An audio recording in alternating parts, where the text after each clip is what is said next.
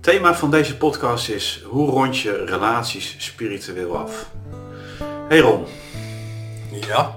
heb je al eens een relatie gehad? ja, eigenlijk wel eentje te veel. Nou, we zitten heel hard te lachen. Eh, nou ja, goed, je bent natuurlijk ook de jongste niet meer. Ik- Dankjewel. Ik, ik, geef niet, ik ook niet. Eh, eh, relaties horen bij het leven. Eh, mensen opdoen, eh, maar ook mensen afscheid nemen weer. Hè. Liefdesrelaties, in sommige gevallen familie, vrienden. Je gaat verhuizen. er gebeuren natuurlijk allerlei levenssituaties waardoor er, ja, waardoor er van alles kan gebeuren. We hebben het eerder al gehad over karma. Hè. Karma is het, het begrip, hè, het lotsbestemming, noem ik het maar eventjes, Ja. hè, wat het mooiste omschreven is, denk ik. Mooie karma, hè, mensen ontmoeten, maar ook eh, eh, weer afscheid moeten nemen, wat liefdevol gaat soms, maar soms ook niet. Ik wil het vandaag hebben over eh, ja, toch iets wat bijna iedereen wel ervaren heeft in zijn leven. En dat is het afsluiten van een relatie. Een liefdesrelatie heb ik het over. Wat natuurlijk best pittig kan zijn, vooral als je er niet om gevraagd hebt. wat natuurlijk heel erg gepaard kan gaan met, met liefdesverdriet. Ehm, het kan enorm lang duren ook, eh, Ja. liefdesverdriet. Het kan nog jaren, soms tientallen jaren misschien doorgaan bij mensen. Toch eh, zul je op een gegeven moment weer door moeten als mens zijnde. eh, als iemand uit je leven is gegaan. Mijn vraag aan jou is, hoe kun je een relatie spiritueel afronden?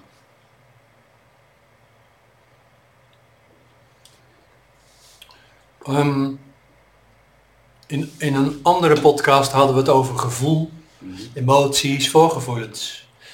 Ehm, ik denk dat het sowieso wel erg belangrijk is om daar eigenlijk ook een beetje intuïtief of spiritueel naar te kijken. En wat ik bedoel te zeggen is, ehm, heel vaak, ik ga niet zeggen altijd, maar heel vaak voel je de laatste maanden, de laatste weken, de laatste dagen echt wel dat er iets speelt. Iets wat niet helemaal klopt.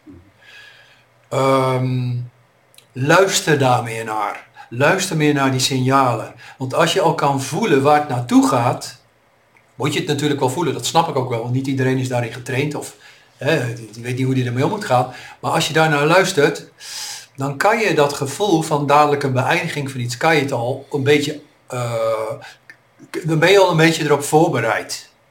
En dan kan je ook misschien, ook al wil je misschien een persoon helemaal niet loslaten, hè, stel voor dat je nog steeds verliefd bent, maar die andere wil niet meer, of die andere is verliefd geworden op een ander, kan je er toch iets mee omgaan. Kijk, pijn blijft pijn, gemis is- blijft toch gemist in alle tijden, maar als je er spiritueel naar kijkt, kan je, kan je, toch, kan je toch het iets anders eh, ervaren en beleven. Kan je toch jezelf iets meer beschermen. Wat, eh, wat zou in jouw ogen spirituele er naar kijken, wat bedoel je daarmee dan? Ehm, als ik een relatie heb voor mezelf, hè, want het gaat om iedereen. Hè? Als ik een relatie heb en ik voel toch dat, dat eh, iets in de binnenkant zegt van dit gaat aflopen, dit wordt gewoon minder. Dan kan je dus zo zoveel mensen doen hartstikke tegen verzetten. Of denken van, nou, dan doe ik er toch een tandje bij, zodat het dan wel goed gaat. Maar dat is gewoon jezelf foppen. Als je vanuit de diepte, niet vanuit je emoties, maar vanuit de diepte toch voelt, aanvoelt, dit gaat aflopen, dan, dan kan je dat al heel veel verdriet besparen. Maar gemis, eh, verdriet, eh ruziestoestand, ja, dat is universeel. Dat is voor iedereen moeilijk. Het ook eh, eerder gehad over scheiden en kinderen. Ehm, je bent niet, vaak niet de enige die natuurlijk moet loskomen vanuit die situatie, hè, die liefdessituatie die gaat veranderen. Het is hartstikke pittig. Dat doet hartstikke zeer. Dat is ook heel, dat is een van de moeilijkste dingen. Kijk, weet je, verliefd worden, eh, een leuk bedrijfje starten, eh, weet ik veel wat. Weet je, ergens met plezier mee beginnen. Dat is natuurlijk niet moeilijk. Dat, dat, dat, dat- vindt iedereen wel leuk, weet je. Maar als iets gewoon niet meer goed loopt, het loopt af. In dit geval een relatie, ja, dat doet hartstikke, hartstikke zeer. Maar mijn punt is, luister gewoon de tijd hè, vanafgaand van wat, wat zijn de signalen, wat voel je? Of misschien je vrienden die er dingen over zeggen.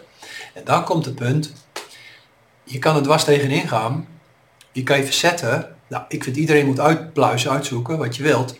Maar mijn punt, eh, mijn advies is, ja, er komen ook gewoon momenten in het leven dat je kan zeggen van ja, ik laat het als het ware een pijnlijk iets, hè, dat het een open wond is. Of je zegt van nee, ik, ik trek de deur dicht, ik sluit me daar vooraf, ik rond het af.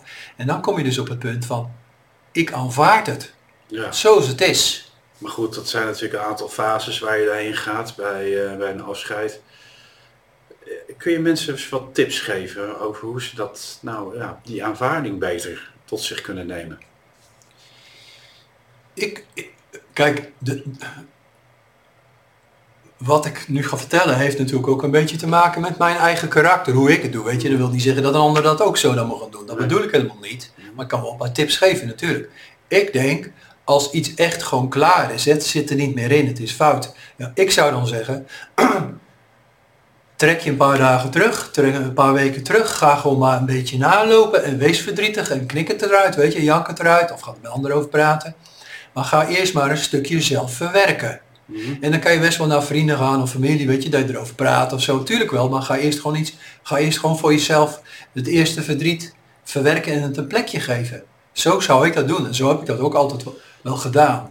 Maar stilaan, als het echt niet gaat, kan je beter het proberen maar dat is heel moeilijk te aanvaarden, dan je tegen te verzetten. Want in mijn praktijk komen ook heel veel mensen hier zo met vragen daarover, dat soort thema's. Ja, ik ben al verliefd, wil ik diegene niet missen, of praktisch vind ik het niet fijn. Dan denk ik, ja, ik snap wat je zegt. Maar als je voelt dat het klaar is, kan je er wat dwars tegenin gaan, maar dat helpt gewoon helemaal niets. Niet. Wat, zijn situaties uh, die jij hebt meegemaakt waarin mensen dwars tegenin gaan dan? Ja, gewoon, gewoon eigenlijk gewoon lekker recht, recht aangezegd, stront eigenwijs bedoel, een paarden kan tien keer zeggen van ja, uh, ik mag je wel of we hebben een goede tijd gehad samen. Maar het gevoel, de liefde is al een jaar gewoon langzaam weggevloeid. Ik heb dat niet meer. En iemand zegt het dan tien keer. Nou, en dan komen man en vrouw in de praktijk. Ja, en dan, dan willen ze het nog niet aanvaarden. En dat is ook heel moeilijk. Dat ga ik ook niet ontkennen. Maar dan denk ik bij mezelf, ja, als iemand het al tien keer gezegd heeft, ja, dan maak je het alleen voor jezelf maar gewoon heel erg moeilijk. Ja, dat begrijp ik. Uh, acceptatie is natuurlijk enorm lastig in dat soort eh, situaties. Ja. Mensen hebben natuurlijk ook nog vaak hoop dat het goed komt. Ja. Ja. Uh, ook is misschien hoop tegen beter weten in. Nou ja, als iemand, als iemand in een situatie zit, hè, in de praktijk dan, van ja, eigenlijk weten ze wel een beetje dat iemand al vijf of zes keer gezegd heeft, ik wil gewoon niet meer verder, of ik ben verliefd geworden op een ander. Kijk, dan zeg ik van, als ik merk van, diegene vindt het echt moeilijk of die is een beetje koppig, dan zeg ik nog wel eens van, oké, ik snap dat wel. Ik heb er begrip voor, uiteraard. Zoiets van, ja, ja, probeer het dan nog even twee maanden aan te zien. Of een half jaar desnoods, of tot de zomer of de winter of wat er ook. Maar dan moet je daar wel je grens trekken. Verandert het niet, niks. En je voelt nog meer verwijdering. Ja, dan is het niet, niet echt gewoon zinvol om dan maar te blijven wachten, wachten, wachten. Maar sommige mensen doen dat hoor. Drie weken, drie maanden, drie jaar, vijftien jaar. Er zijn echt mensen die, die, die jaren bezig zijn, terwijl het al lang voorbij is. Wat zou je tegen die mensen willen zeggen dan? Hou meer van jezelf. Mm Hou niet te veel van die ander. Kijk, je kan houden zoveel als je wilt van die ander, maar hou iets meer van jezelf. Want als je maanden of een jaar of jaren zit te wachten op iemand, en vanuit gaan dat er toch dan niks meer wordt. Hè? En dat is natuurlijk in 98 van 100 gevallen.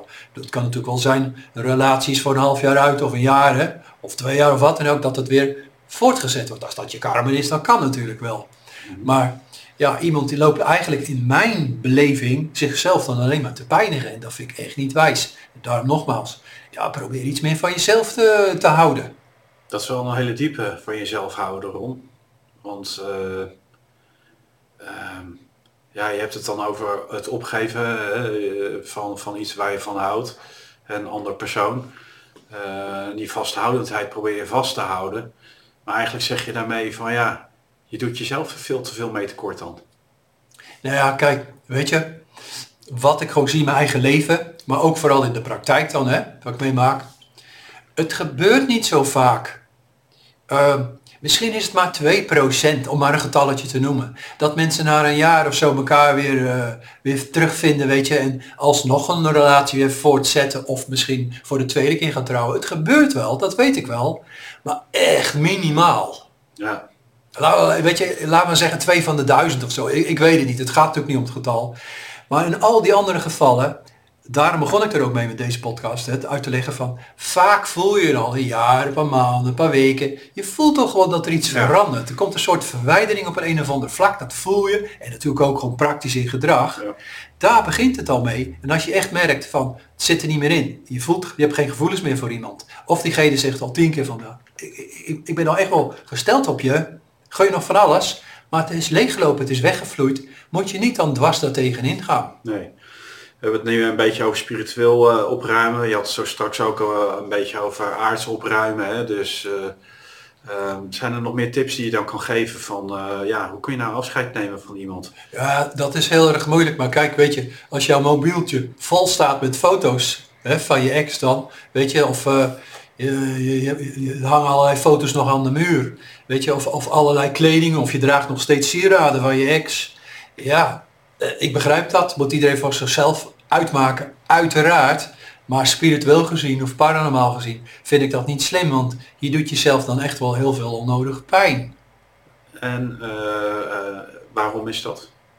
Nou ja, gewoon heel simpel. Als jij gewoon steeds, je, je doet je, mobiel, je pakt je mobiel, je ziet steeds een foto van jullie tweeën, ja. terwijl het te lang uit is, ja, dan zie je dat weer en dat doet natuurlijk zeer. Want diegene mis je, of je bent boos, of weet ik veel. Weet je, je, je kan ook zelf ja. praktisch ernaar kijken. En maar is dat ook energie die er omheen blijft hangen dan? Of, ook, ja? ook. Ja, niet zozeer 1, 2, 3 dan. Hoeft niet per se dan die mobiele fotootje. Maar als jij een ring hebt van iemand gekregen, weet je, of, een jasje, of schilderij, of meubilair, daar hangt, daar kan best wel heel veel energie aan hangen, aura-energie. Dus wat ik dan vaak ook noem, uh, een sfeer ja, als jij gevoelig bent voor sfeertjes en daar hangen steeds uh, aan bepaalde spullen, hangen, hangen uh, sfeertjes van, van veel woorden, van Russisch, hè, weet wat er ook, dan is dat geen goede energie. Nee.